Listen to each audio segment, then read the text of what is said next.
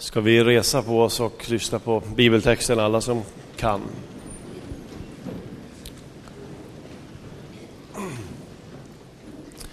Jag läser från Lukas evangeliet, det andra kapitlet, med början på vers 41. Jesu föräldrar brukade varje år bege sig till Jerusalem vid, den, vid påskhögtiden. Också när Jesus var 12 år gammal gick de dit upp som seden var vid högtiden. Då festen var över skulle de hem igen, och, men pojken Jesus stannade kvar i Jerusalem utan att föräldrarna visste om det.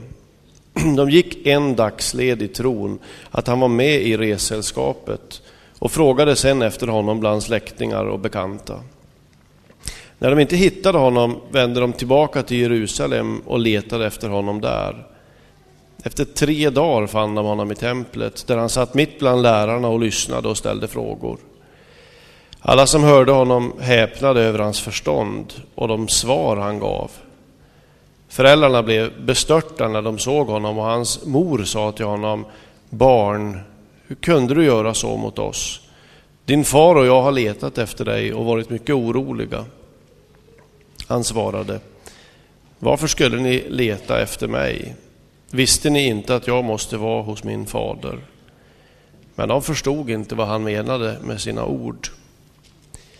Sen följde han med dem hem till, ner till Nasaret och han lydde dem i allt. Hans mor bevarade allt detta i sitt hjärta. Låt oss be. Gud, jag ber att du skulle öppna våra hjärtan idag så att vi får bli som tolvåringar. Så öppna och så tillgängliga och så kloka. Amen. Varsågod och sitt.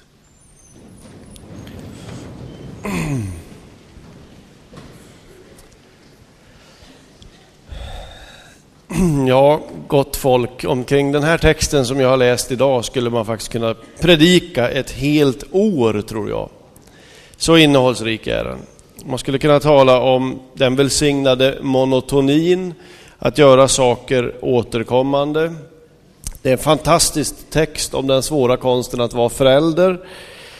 Det är en bra text att tala om mognad och vishet. Och det är en fantastisk text som handlar om hur man tar tillvara stora erfarenheter i livet så att de blir till det där som vi kallar för livserfarenheter. Men allt det får vi ta en annan gång. Eh, därför att det är inte vilken dag som helst i Smyrna idag, utan det är bibelutdelning och hedersgäster är ni som sitter här på min vänstra sida. Och jag tänkte faktiskt vara så frimodig idag så att jag, jag ska predika för er, bara för er. Och om de andra vill lyssna så är det helt okej. Okay. Men de måste inte, de kan också sitta och halvsova eller så. Eh, det är fritt. Därför att den här texten handlar ju egentligen väldigt mycket om er. Eh, om att vara 12 år gammal. Eh, det är lite spännande att detta är, om jag har räknat rätt, jag har ringt och frågat Urban också, så finns det bara två tillfällen där Jesu ålder uttryckligen finns med, där han dateras i ålder. Och det är den här texten, där det står att han är 12 år gammal. Och så är det när han är åtta dagar gammal. Alltså ingenting om Jesu 30-årskalas eller andra viktiga händelser. Men däremot står det att han var 12 år när detta händer. Jag tror att det där är en ganska viktig liten anmärkning. Alltså insikten om att Gud, den Gud vi tror på, har varit 12 år gammal. Det är viktigt att man inte glömmer det.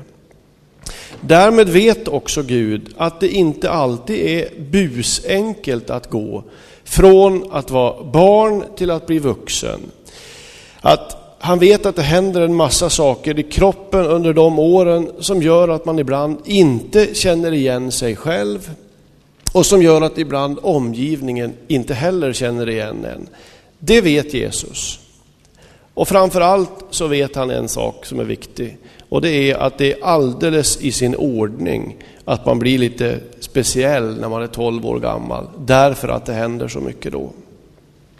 För jag tycker annars man kan undra när man läser den här texten, den reser en rad frågor, men man kan ju undra varför Jesus dröjer sig kvar i storstan Jerusalem när hans föräldrar lämnar stan och reser hemåt igen. Alla som levt eller lever nära tonåringar, eh, eller snudd på tonåringar, fattar direkt vad den här texten handlar om. Eh, alltså I den åldern, när man är 12-13 år, så är man ju i väldigt hög grad, tycker jag åtminstone, inne i sina egna tankar som människa. Man går och rotar i sina egna tankar. Och vem av oss har inte suttit och berättat för sitt barn något spännande en lång och utförlig berättelse, tio minuter lång eller så. Och så när man tycker att man är färdig och att man har varit både tydlig och pedagogisk, då tittar ungen upp och så säger han, Va? Som om man inte har börjat sin berättelse än. Jag tror att det är precis så här med Jesus i texten. Att det inte är olydnad som gör att Jesus piper iväg till de lärda och kloka medan hans föräldrar står och packar åsnan för att ge sig tillbaka hem igen. Det han gör, som det står, utan att hans föräldrar visste om det. Jag får för mig att han gör det utan att han själv ens vet om det på ett sätt. Alltså att han är så upptagen av det han själv håller på med just nu så att han inte märker att karavanen lämnar storstan och ger sig iväg. När man blir vuxen kan jag berätta för er, då kallas den där förmågan som ni besitter, kallas för förmågan att leva i nuet.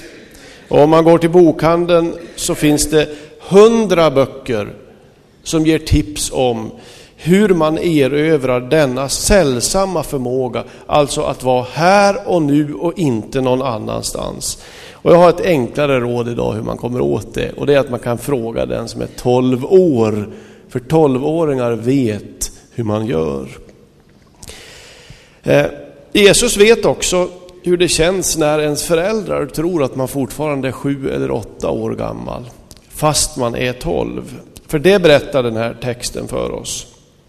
De tilltalar Jesus som om han fortfarande gick i småskolan. Barn, säger de, hur kunde du göra så mot oss?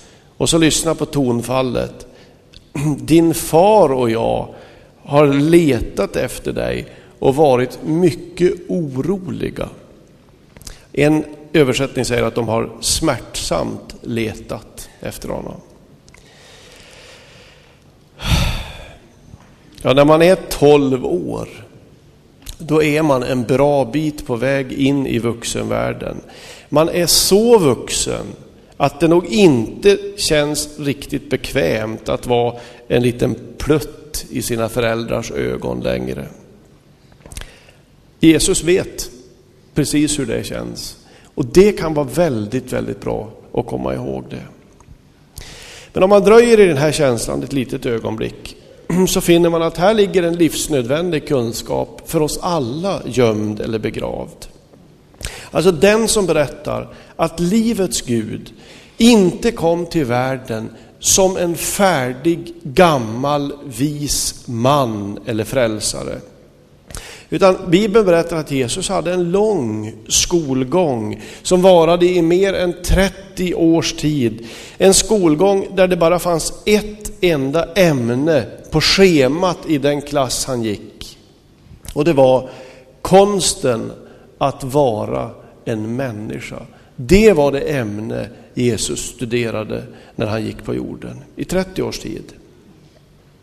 Att han kom så, alltså inte som ett färdigt paket, berättar någonting väsentligt om en av själva grundbultarna i kristen tro. Det som också ibland är allra svårast att ta till sig. Inte tanken på Guds storhet främst, utan tanken på hans litenhet. Alltså det är där tanken ofta slår, slår slint. Inte att Gud kunde bli så stor, utan att Gud kunde bli så liten. Att Gud finns där uppe uppe någonstans. Att han äger all makt och alla resurser, att han skapat himmel och jord. Ja, det är ju en sak att tro, åtminstone teoretiskt. Men att Gud skulle finnas här, alltså i alla konstiga tankar som kan fara genom ens huvud, när läraren i skolan inte förstår och när mamma och pappa inte har tid. Att Gud skulle vara i det, när så mycket motstridigt flyter upp inom oss. Det är faktiskt knivigare att tro. Men det var in i allt det som Jesus föddes.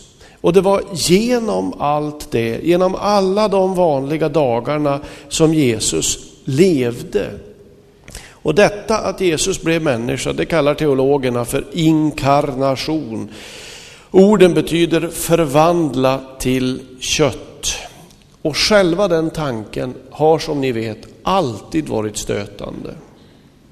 På så långt avstånd från upphöjdhet och majestät man kan komma så gör den frälsande guden entré i den här världen genom ett moderliv. Märk att när Jesus kommer till den här världen så är det också då en tonåring inblandad. Den här gången en tonårsflicka. En tonårsflicka som får, mitt i sitt hushållsstök, får hon besök av ärkeängeln Gabriel. Alltså den ängel som fick Daniel i gamla testamentet att bli liggande i vanmakt med ansiktet mot marken. Så förskräckt blev han. Den ängeln hälsar på en tonårsflicka och det är ett alldeles osannolikt möte. En av de sju ministrarna i Guds världsregering, bortom alla vintergator, letar upp en tonårsflicka i en småstad. Hon heter Maria. Naturligtvis är detta en förolämpning mot alla andliga hierarkiska system som kan finnas i den här världen. Att en ärkeängel måste buga sig för en tonårsflicka. Men det säger väldigt mycket om Gud. Det säger väldigt mycket om hur Gud kommer till oss, i vilken hållning han gör det, hur Gud kommer in i den här världen. Och så vill jag säga så kraftfullt jag kan att det säger väldigt mycket om hur Gud ser på er som är 12 år gamla. Väldigt mycket. Alltså Gud tittar inte på er och tänker att ni är blivande vuxna som kanske ska bli någonting sen när ni har utbildat er och så. Gud tittar inte på er och ser att ni är pynt eller dekoration i de vuxnas värld. Det är sådana som ni är nu, precis nu, som Gud ser på er och så tillmäter han er den största respekt i världen. Jag ska bara snudda vid tre korta egenskaper som finns om Jesus när han är 12 år gammal. Där kom det också, jag vad bra. Tre korta egenskaper som Jesus har när han är 12 år gammal, som jag tror vi alla behöver sträva emot. Det första är att man, att man inte riktigt vet vart man har honom. Det gör det ju den här texten väldigt tydligt. Det står att de trodde att han var med i sällskapet. Nu gör jag en, jag vet det själv, därför säger jag det, jag gör en väldigt fri tolkning av den här berättelsen. Och så tänker jag att det som står här i den här berättelsen, eh, det finns någonting i den som berättar om den tid i Jesu liv när han själv börjar uppfatta vad som är hans väg här i livet. Alltså han är fortfarande i sina föräldrars sällskap. Både före och efter den här lilla utflykten vi läser om så är han i deras sällskap. Det är de som företar den här resan och Jesus får hänga med. Och det står också att han lydde dem i allt. Men det känns ändå när man läser berättelsen några gånger som om Jesus vid den här tiden börjar upptäcka att det finns ju en egen dröm här inne. Det finns en egen längtan i mitt eget bröst. En längtan som jag måste följa i mitt liv. Och den känslan när man läser förstärks, tycker jag, av Jesus samtal med sina föräldrar. Jag tar det igen. Din far och jag har letat efter dig och varit mycket oroliga, säger mamman. Och Jesus svarar, varför skulle ni leta efter mig? Visste ni inte att jag måste vara hos min fader? Alltså märk hur under ett kort ögonblick så är rollerna ombytta. Det är pojken, gossen Jesus, som undervisar sina föräldrar om andliga ting. Man är ganska smart när man är 12 år gammal, har ni tänkt på det? Man är väldigt, väldigt smart. Martin Lönnebo driver av någon anledning tesen att människan är allra klokast under hela sitt liv just när hon är 12 år gammal. Jag vet inte varför, men han säger det. Han brukar ha rätt ibland. Ibland.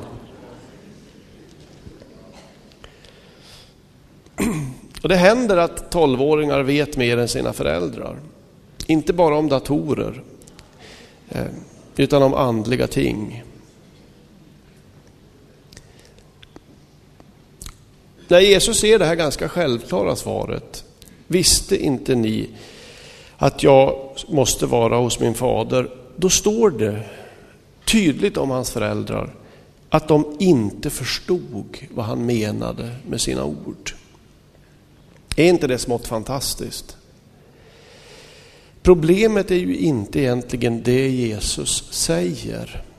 Utan problemet tycks ju vara att föräldrarna just nu, och detta vänder jag mot mig själv, föräldrarna är just nu så mycket inne i sitt uppfostrande av Jesus att de inte hör vad han säger.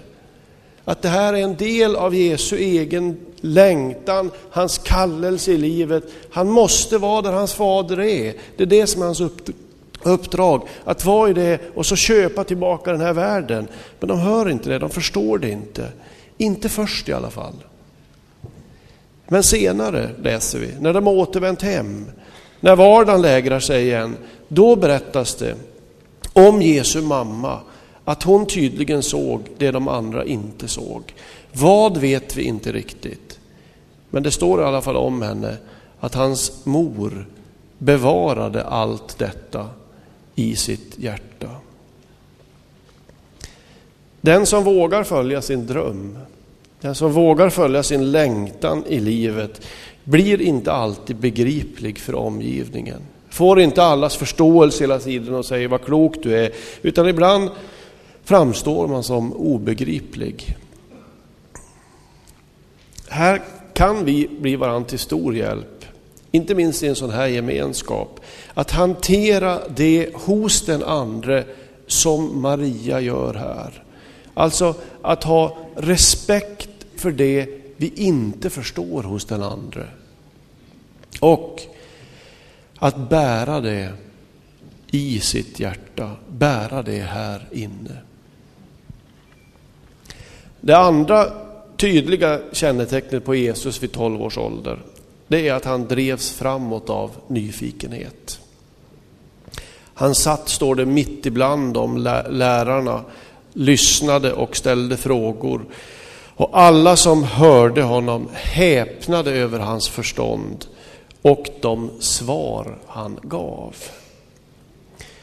Det är så här man växer i livet. Och här är det ju så kärnfullt formulerat. Att man växer genom att lyssna och ställa frågor. Och Det här är en bra hållning, tror jag. Inför alla de möten i livet som ni kommer få senare, så växer man som människa och mognar. Inte genom att bre ut sig själv och, och förklara allting, utan genom att lyssna och ställa frågor. Fjodor Dostojevskij låter en av sina romanfigurer sätta det där på pränt så skickligt. Och han säger, människan är en hemlighet. Bemödar du dig så länge du lever att lösa den gåtan så behöver du aldrig säga att du har slösat bort ditt liv. Människan är en hemlighet. Nu är det så att alla människor berättar inte frivilligt alltid av sig själva. Men jag tror jag vågar säga att de allra flesta blir glada om man frågar någonting om deras liv. Om man lyssnar på deras berättelse och ställer frågor. Sen på ett djupare plan så är det här naturligtvis ett uttryck för Jesu människosyn.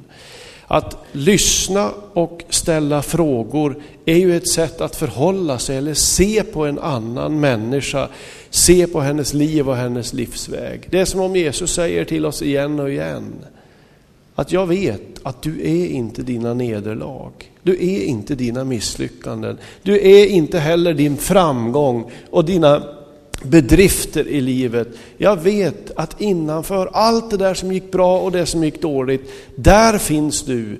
Och därför möter Jesus sin omgivning genom att lyssna och ställa frågor.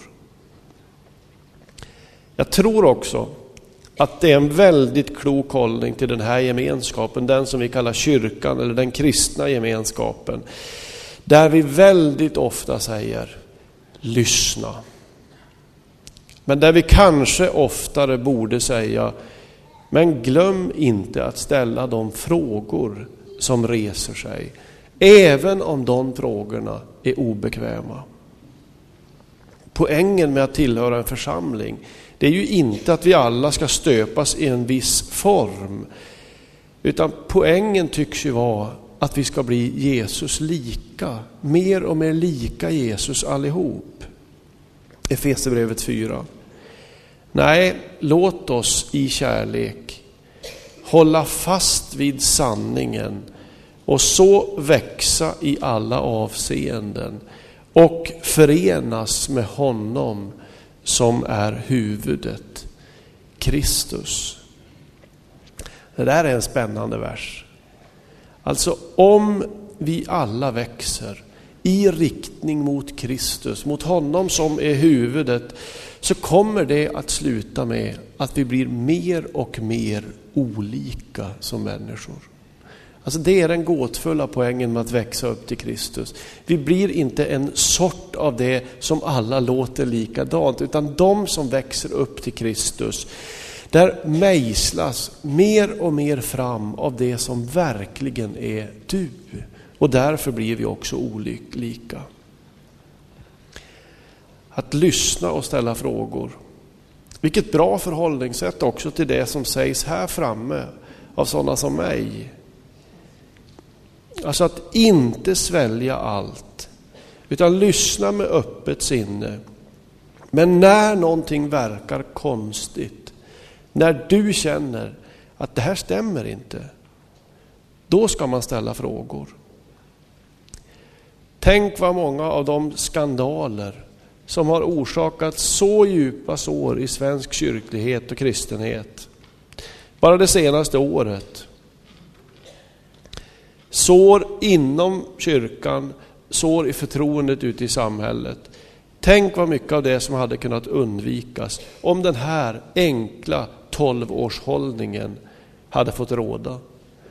Att lyssna. Men också ställa frågor.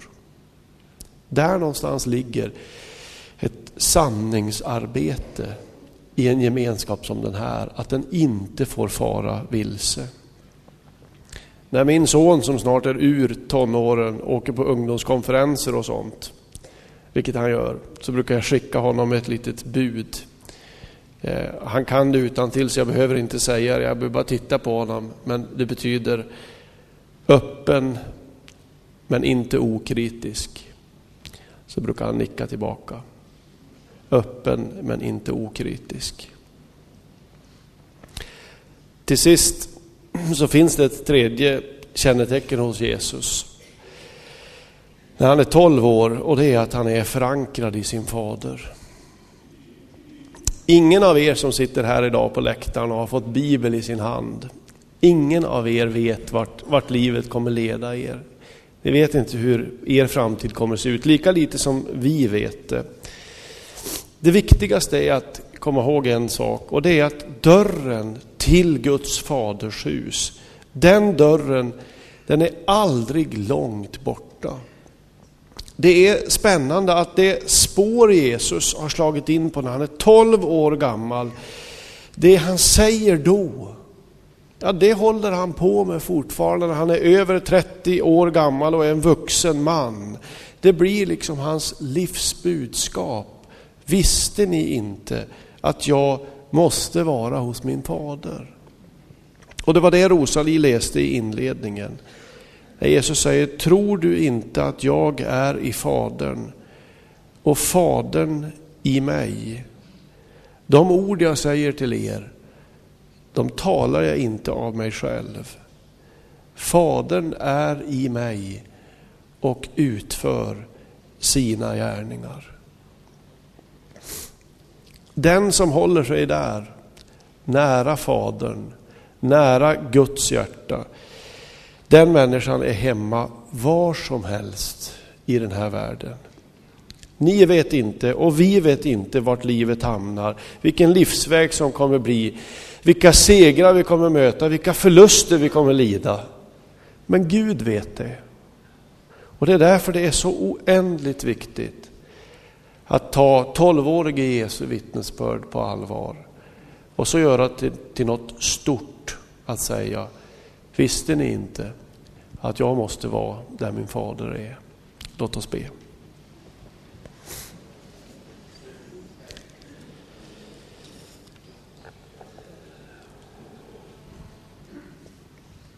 Ja, Gud, jag upprepar min bön den här dagen att du skulle väcka tolvåringen i oss.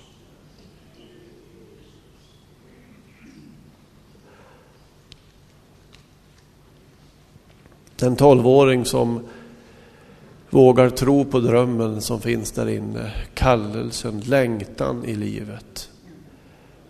Den tolvåring som är öppen och lyssnande, men som också vågar ställa frågor när det måste ställas frågor. Och den tolvåring som har förstått att det är i Faderns hus våra liv hör hemma och att man kan hamna var som helst i den här världen och överallt få upptäcka att dörren till Faderns hus, det finns där. Den som är förankrad i dig Gud är förankrad överallt. I Jesu namn. Amen.